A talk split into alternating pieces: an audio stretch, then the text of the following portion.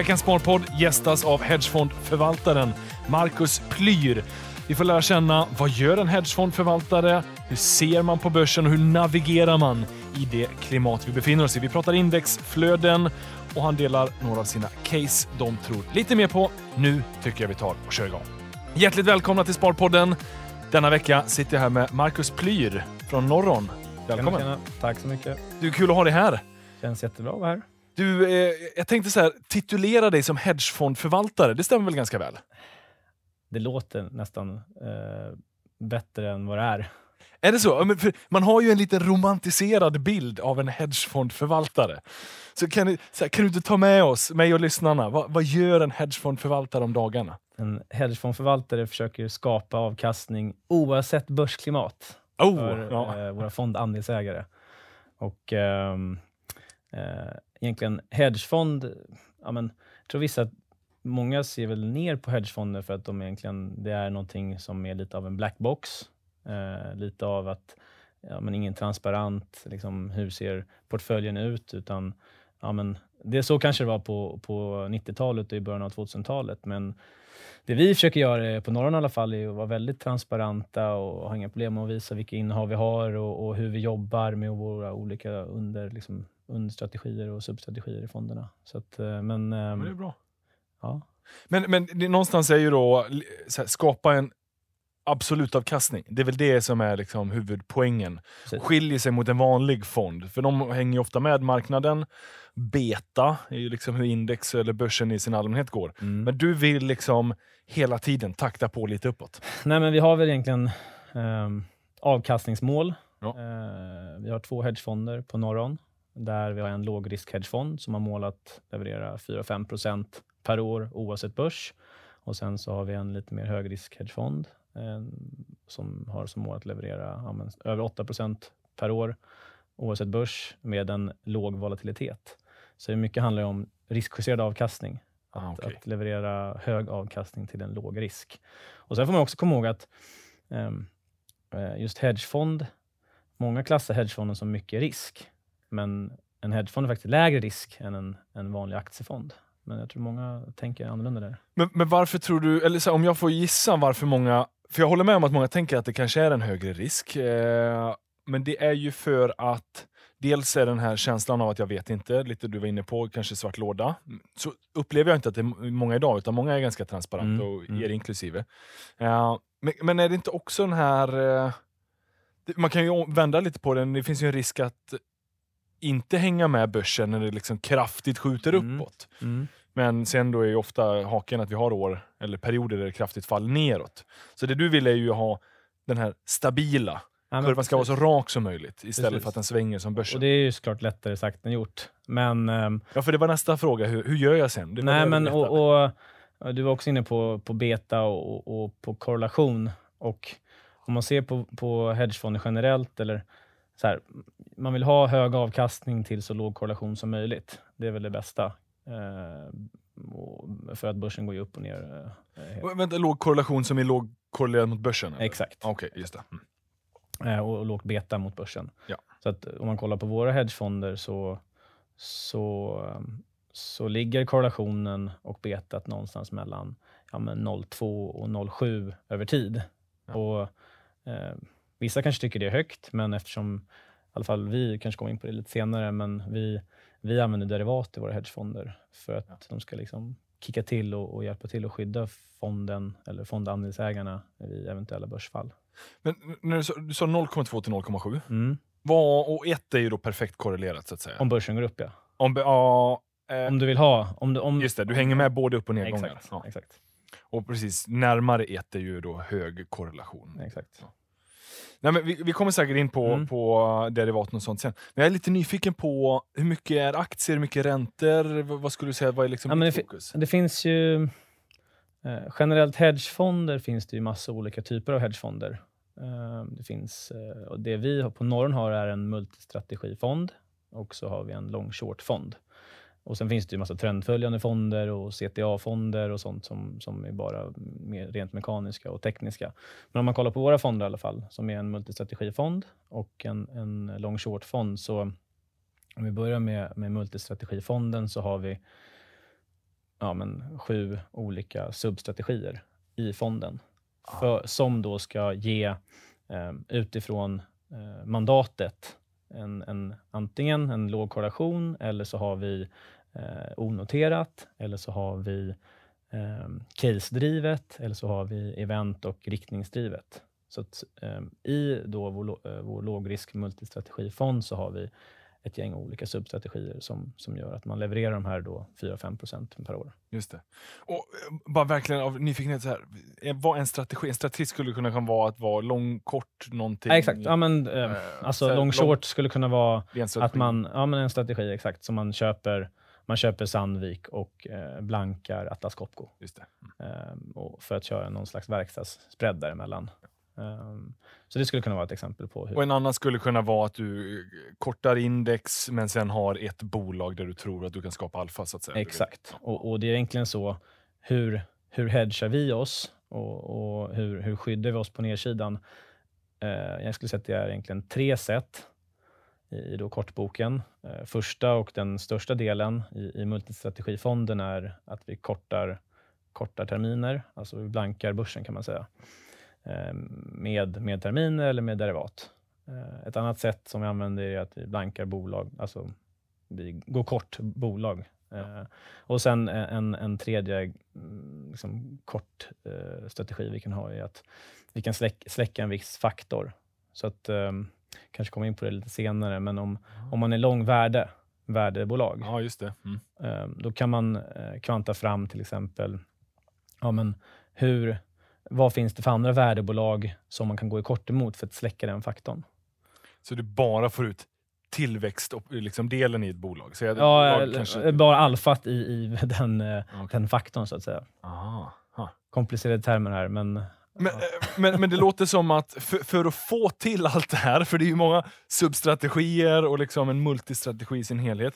Det känns som att det är mycket data man måste bara mata ihop. Mm. Ja, men... Ditt jobb, det blir inte så mycket att bara sitta och leta aktier, utan mycket är att cruncha data, eller? Alltså jag skulle säga eh, Norron som hus mm. är ett, ett, fundamentalt drivet hus. Vi, okay. eh, vi letar vi gillar att hitta bolag som levererar över index över tid, där vi kan skapa ett alfa åt, åt våra fondandelsägare.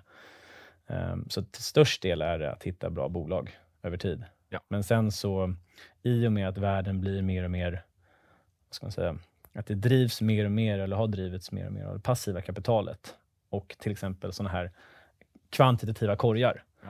Då måste vi i alla fall, eh, och sedan tre år tillbaks, investerade vi kraftigt i, i det kvantitativa, mest som ett komplement till förvaltningen. Mm. Uh, inte kanske att vi faktiskt, uh, vi faktiskt tar uh, investeringsbeslut ifrån det, men, men det skulle kunna vara att vi ser hur vi ligger i våra respektive portföljer.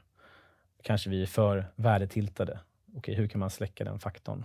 Eller vi är för tillväxttiltade. Och jag tror att ett sätt för att vara hedgad i sin långbok idag, det är att vara så diversifierad som möjligt. Okay, ja. För att det är klart man kan ha en vy, okej, okay, men tillväxt kommer fungera eller värde kommer fungera. Men jag tror att så komplex som världen är idag så vill man vara så diversifierad som möjligt. Och när du säger diversifierad, för mig låter det som att äga bara många olika bolag. Är det den typen av diversifiering? Eller är det ja, men jag skulle säga att man... Många olika eh, strategier? Många olika... Ja. Um, första kanske är att man har i, i vår lågrisk hedgefond, det är att ha eh, olika substrategier. Men i respektive substrategi så vill du vara diversifierad och inte kanske tiltad mot ja, Förr i tiden sa man sektor, men man säger väl mer och mer faktor för att det är de, de olika korgarna där ute av det passiva kapitalet drivs lite hur faktorerna går. Så att jag tror att um, um, Ja, men jag, jag, har hört talas om de här faktorerna. Men, men om, vi, om vi går in på det passiva kapitalet, för det är ändå mm. Det är en intressant observation och det är någonting jag tycker man bör ha med sig. att Det är väldigt mycket idag som är indexfonder. Det är väldigt många privata mm. sparare som sparar indexfonder. Väldigt mycket institutionellt kapital som använder ETFer.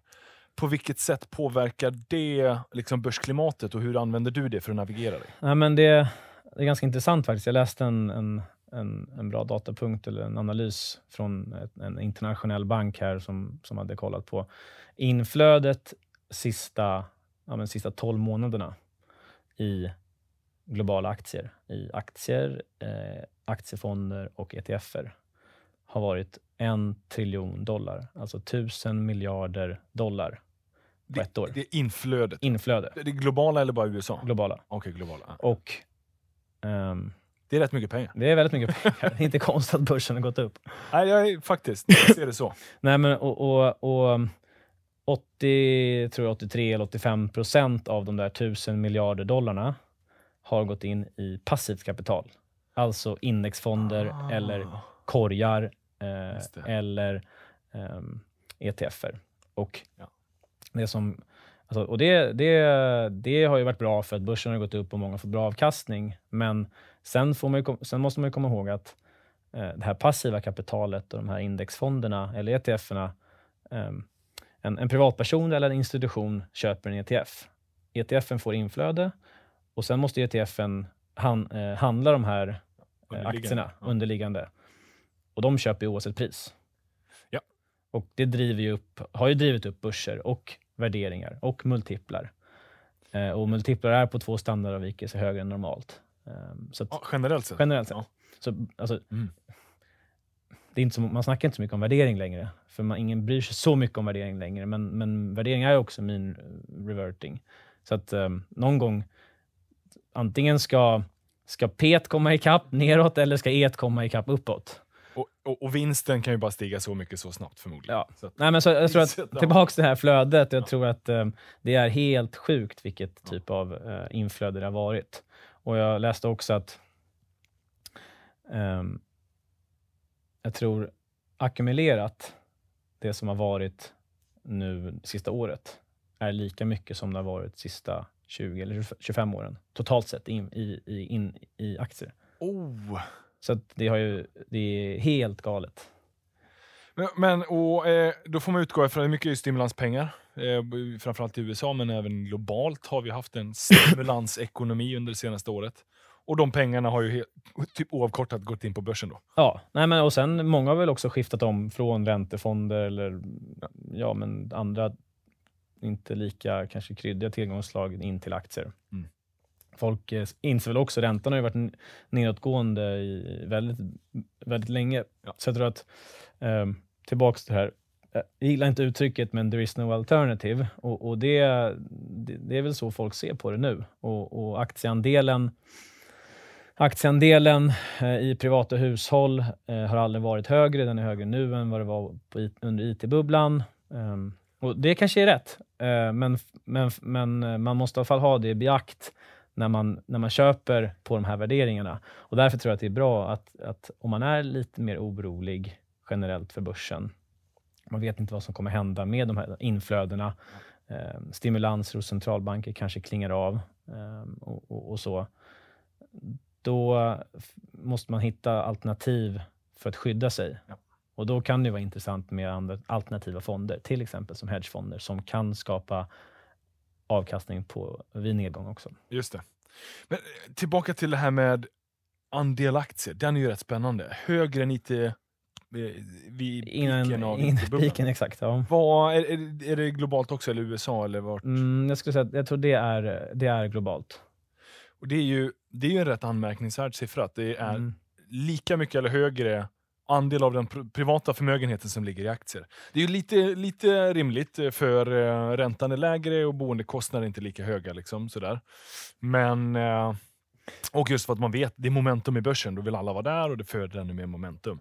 Tills den dagen det inte gör det längre. Som på IT-bubblan. Nej, men jag tror att det, det, det kan ju vara bra såklart att, eh, att folk blir mer intresserade. Men, men ehm, det kan nog skapa mer volatilitet. För att eh, ehm, det kanske är ehm, eh, en viss typ av investerare som inte har varit investerare investerade på börsen tidigare och kommer se, se sitt, sitt kapital sina investeringar röra på sig upp eller ner. Och, och Det kan ju skapa mer eh, ja, men mer volatilitet på börsen. Ja. Eh, tror vi i alla fall. finns väl alltid den eh, liksom risken. Men, men en fundering som jag ändå sitter på är men jag upplever ju också själv, jag har haft ett otroligt starkt börs och jag vet att så kan det inte vara forever. Man har varit med tillräckligt länge att man inser att det går lite upp och ner. Nu har det gått upp lite, Mm. kanske ska ner lite. Mm. Men det har ju ändå varit, liksom, modus operandum har ju alltid varit by the dip. Eh, för vi vet att det förr eller senare stiger. Och nu har det väldigt ofta varit förr snarare än senare. Mm. Får du känslan av att det håller på att förändras i det narrativet också? Eller? För det har ju ändå varit ganska rådande. Och vad är det som inte skulle göra att det skulle kunna vara bra läge att buy the dip nästa gång vi får se 10-15% ner? Ja, men det, vi såg ju börsen bara, bara några veckor sedan komma ner vad var det, 7-8 procent. Ja. Och, och, Folk får lite panik nästan. folk, ja, men, och man ser tidningar, DI Ja. börjar skriva Ja. eh, ja, nu kommer eh, kraschen. Och, och, så fort det, börsen börjar gå ner lite, då ser man ju direkt på Twitter och nu, nu eh, björnarna kommer fram. Ja. Jag saxade några rubriker. Det var ju samma dag där eh, Evergrande eh, liksom, när det började uppdagas eh, och allting sånt där. Några svenska rubriker. Blodrött på svenska börsen. Och, och så det var det nere... 2% ja, ner. exakt. Ja. exakt. Nej, men och, och det... By the dip, och det, det tror jag det kommer bestå säkert ett, ett tag till. Ja. Men, och det är för att det är fortfarande inflöde i, i systemet i form av stimulanser. Men, men vad är det nästa vecka på, på Fed-mötet eh, så är väl man ska, man ska komma ut med, med, med att man kommer börja typ, alltså dra tillbaks eller inte börja köpa Nya eh, obligationer. nya obligationer och inte börja, eh, alltså inte eh, trycka ut lika mycket likviditet i systemet. Nej. Och det, så andra derivaten är ju, är ju negativ. Och då, Vad, vad betyder det? ja, men alltså, eh, skillnaden från månad till månad kan, man säga, Ah, Okej, just det. kommer ju vara lägre. I och med att de tar tillbaks. Så att, eh, tidigare har det varit att det stiger, men nu kommer det ju vara fallande. Eh, Just det, det blir återköp. inte bara planande utan det blir fallande till. Exakt. Och sen, det ska de göra nu från ja, men ett år framåt till mitten av 2022. Men, Och sen ska de börja höja räntan. Men be- betyder det här att deras balansräkning kommer att minska igen? För det var lite det såg man ju 2018 där. Det bl- blev det lite panik nästan. Ja, och, och börsen, jag vet inte om alla kommer ihåg det, men Ja. Q4 2018 var ju ändå börsen ner ja, nästan 20 procent. Ja. Och, och sen fick eh, amerikanska centralbanken, var väl där innan årsskiftet, eh, Powell var ute och sa att Nej, men okej, det här, eh, vi, vi, eh, vi fortsätter inte att dra tillbaka stimulanser utan vi, vi vänder på det. Och då gick ju tillväxtbolag rakt upp på börsen, 30 procent upp eh, 2019. Var det väl? Ja, exakt 2019. Ja. Och, och, um, och um, så här. Det är lite annat. Eh, eh, liksom, gameplanen är nog lite annorlunda nu, kommande 12 månader, än vad det varit senaste 12 månaderna. Eh, I form av att jag tror det kommer vara avtagande. Alltså det är ju, kommer bli avtagande. Det är, ju- det är ju flöden som har drivit eh, upp börserna. Och nu kommer flödena minska. Och stöden. Och stöden. Men, eh, Jag försöker inte måla upp ett, ett bäs-scenario här, men jag tror fast att... det låter lite så. Om man ändå... Nej men så här, men eh, det fi- finns kanske en anledning att fundera på. Vi- Börsen är på all time high. Ja. Eh, sen kan den ju nå högre höjder också. Men det finns väl alltid en anledning att fundera på. Vart är risken och har vi en eventuell nedsida? Men det måste ju ändå vara lite frustrerande som en hedgefondförvaltare att liksom bara buy the dip hade varit så, det har varit så enkelt hela tiden. Ja, ehm, speciellt när... när För den är inte en del av era multistrategier. nej, nej, men jag ska säga en, en hedgefond, eller i alla fall våra hedgefonder, är alltid skyddade. Så vi har ju alltid handbroms i, kan man säga. Ja. Och, men det är ju mandatet. Mandatet är att leverera en viss typ av avkastning årligen. Ehm, men, men jag tror att, um, och, och tillbaks till det här skyddet, ehm, om man då är lite orolig för börserna och, och vill kanske då eh, ja, men ta, ta hem lite vinst i aktier och, och kanske lägga lite mer säkert, då är det ett bra alternativ att, att allokera kanske in i mer alternativa fonder som, som hedgefonder. Ja. Ehm, det tror vi i alla fall. Men om man ändå ska se till riskviljan, för flödena vet vi har ju drivit upp, men, men det har ju varit mycket passiva flöden, men det finns en stor riskvilja fortfarande. Eh, man kan ju använda krypto som ett proxy för vilken riskvilja Mm. investeraren ändå vill ta. Och där ser vi också, det är fortsatt höga nivåer, fortsatt mycket inflöden i krypto. Här, använder du dem och använder det på något sätt? För alltså, vi försöker kika på det. Alltså, det är väl, eh, som du säger, det är en bra proxy på, på, på riskviljan. Ja. Um, och, och ser man korrelationen mellan till exempel Tesla och bitcoin så är den hög. Mm. Och, och ja. Bitcoin har ju kommit upp mycket här på slutet och Tesla har kommit upp mycket här på slutet. Och man såg igår, det var helt galet, Tesla gick 10 och, och ökade 100 miljarder dollar i värde och på, på, en order från, en order från Hertz. Ja. Um, och det är såklart kul att Tesla får order. Uh, men, men, och, och sen om man också, apropå riskvilja, så uh, min, min kollega nämnde bara precis innan jag gick in i det här mötet att uh, i, igår gjordes det mer än någonsin uh, mer optionshandel på Tesla. Och det driver ju upp kurser också. Just det. Och till hela det här Robin Hood-segmentet och, och, optionshandel i, i, USA har ju verkligen exploderat. Det kan vara ett osunt tecken, tycker vi. Man kan ju observera GameStop på AMC och vad ja. som hände där. Det, det, var, det är ju osunt. Eh, för det har ju fått de här peaksen uppåt på grund av optioner som... Ja, man har gamif- alltså, så som vi man har gamifierat ja. eh, alltså, um, gamifierat hela aktiemarknaden. Och, och um, Det kan vara osunt, helt klart. Ja, det, det, det föder ju inte ett långsiktigt investerartänk hos användaren. Eh, och plus att man inte riktigt greppar tror jag, dynamiken eller motoriken i en option, utan man tänker bara ah, mer uppsida när det går upp. Men man Nej. inser inte att du, du tar mer risk. Det finns någon underliggande där som ska eh, köpa och driver ju upp priset ännu mer. Och det var ju det som blev den perfekta stormen i GameStop Nej, någonstans. Nej, market makers uh, måste ju hedga sin, sin exponering. Ja. Um, um, och, och det, har ju, det har ju drivit upp kurser. Ja. Och, och, då... Um, och, och, ja, Det kan vara helt klart osunda beteenden. Men osunt har det ju varit från tid till annan på börsen. Så, mm. så är ju börsen bara. Den är inte alltid helt eh, perfekt och rationell. Hur, hur, hur ska man navigera med det där då? Eller ska man bara konstatera att det är osunt? För det, det nej, men man kan ju, alltså, en annan... Så som man ser, om man ska se vissa saker, är ju värderingar är höga. Eh, man kan se eh, REIT, alltså privatpersoner spekulerar hejvilt. Eh, och sen oftast i slutet av en konjunktur så Eh, ja, men man såg det väl 2007 så var ju oljepriset på väldigt höga nivåer. Nu ser man oljepriset komma tillbaka igen. Man ser gaspriser skjuta i höjden. Um, energi, generella energipriser. Um, råvaror. Råvaror, exakt. Ja. Um, och Ja, det kan såklart vara, vara övergående eller transitory. Ja. men frågan är hur, hur långt... livet är också transitory. Ja, det är det. Uh, inte för att jag säger, så här, konsensus är nog att det här ska, ska klinga av någonstans in i 2022, men man vet ju inte. Man vet inte om, så här, ingen vet tror jag. Men har råvaror varit sencykliska menar du historiskt? Att det, eh, råvaror ja. brukar de vara sencykliska? Ja, men oftast det, det man ser i, i, ehm, i, eh, i, i konjunktur är att um, det drivs upp i oftast slutet av en cykel. Okay. Och, och, då ska man väl dra den åt sig lite också och se hur, hur det...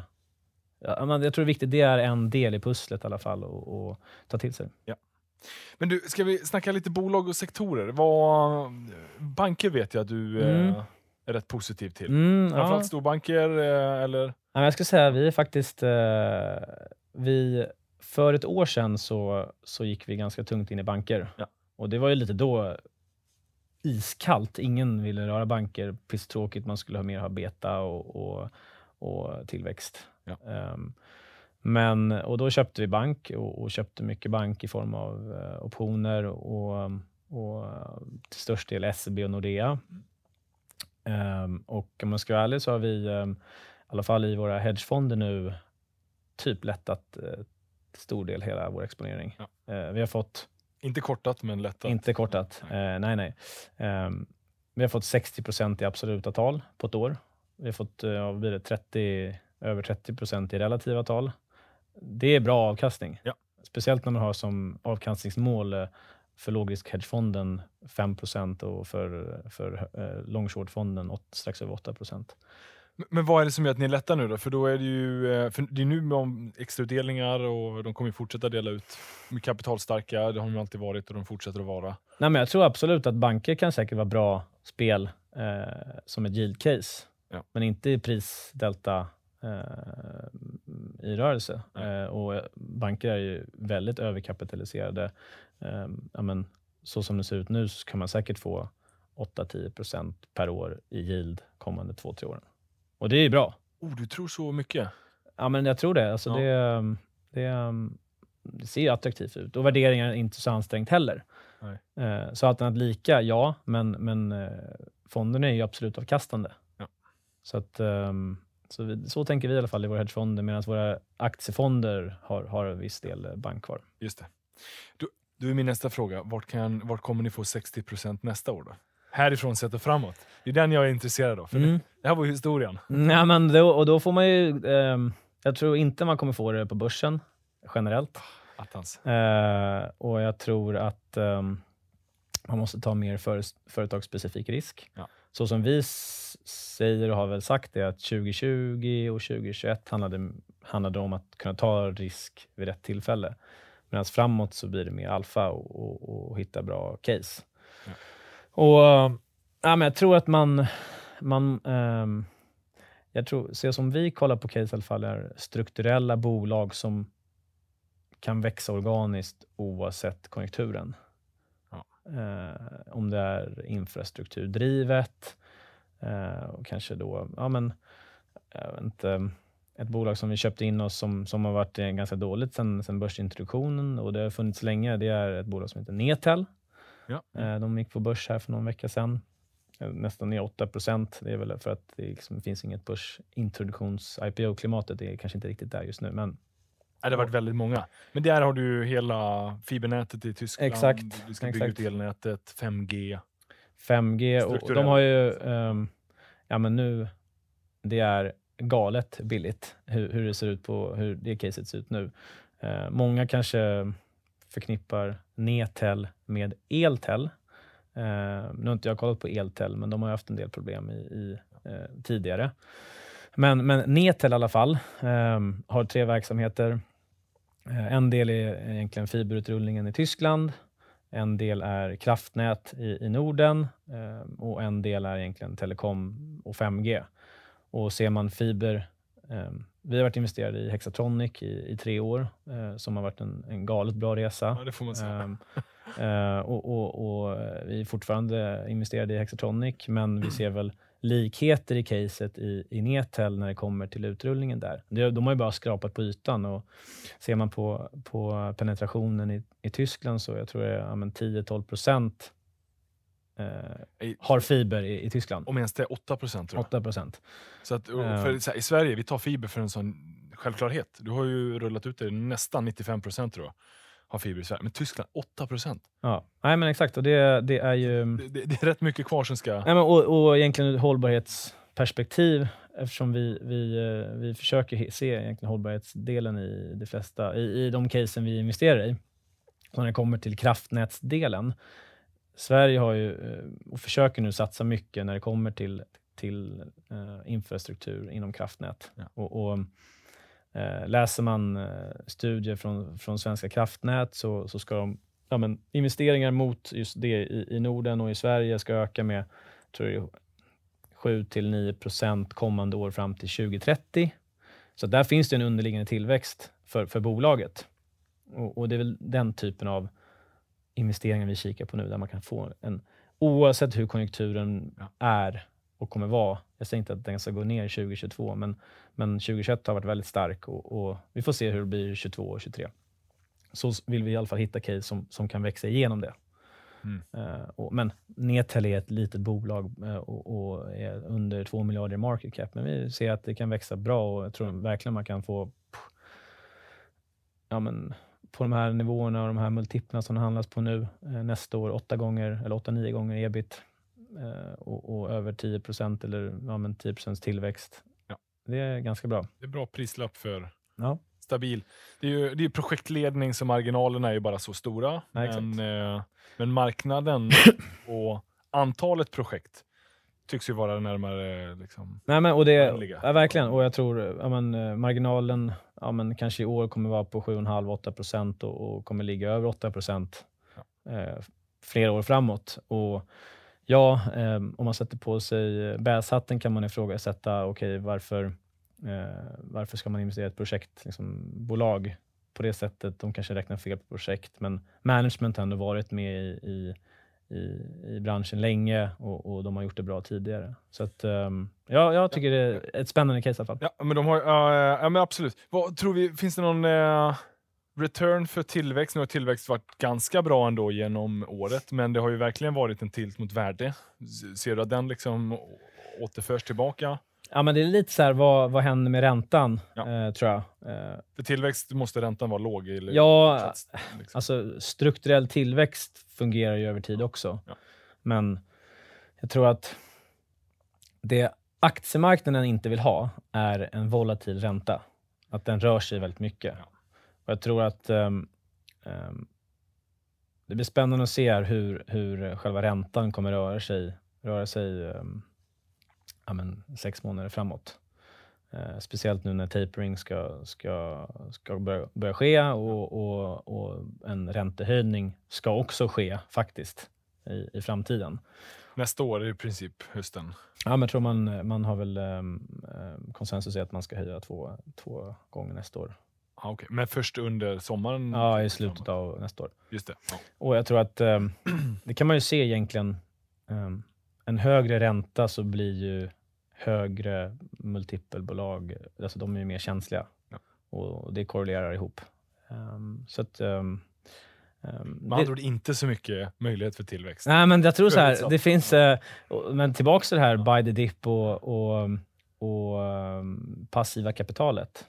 Eh, köper, Så eh, länge det finns där så finns det liksom finns en underliggande köpare. tryck och underliggande konstant köpare i, i tillväxtbolag eftersom att um, för varje krona eller varje dollar som går in i, i eh, S&P 500 så, så är det väl minst 40 procent som går in i, i de här fem, fem FANG-bolagen.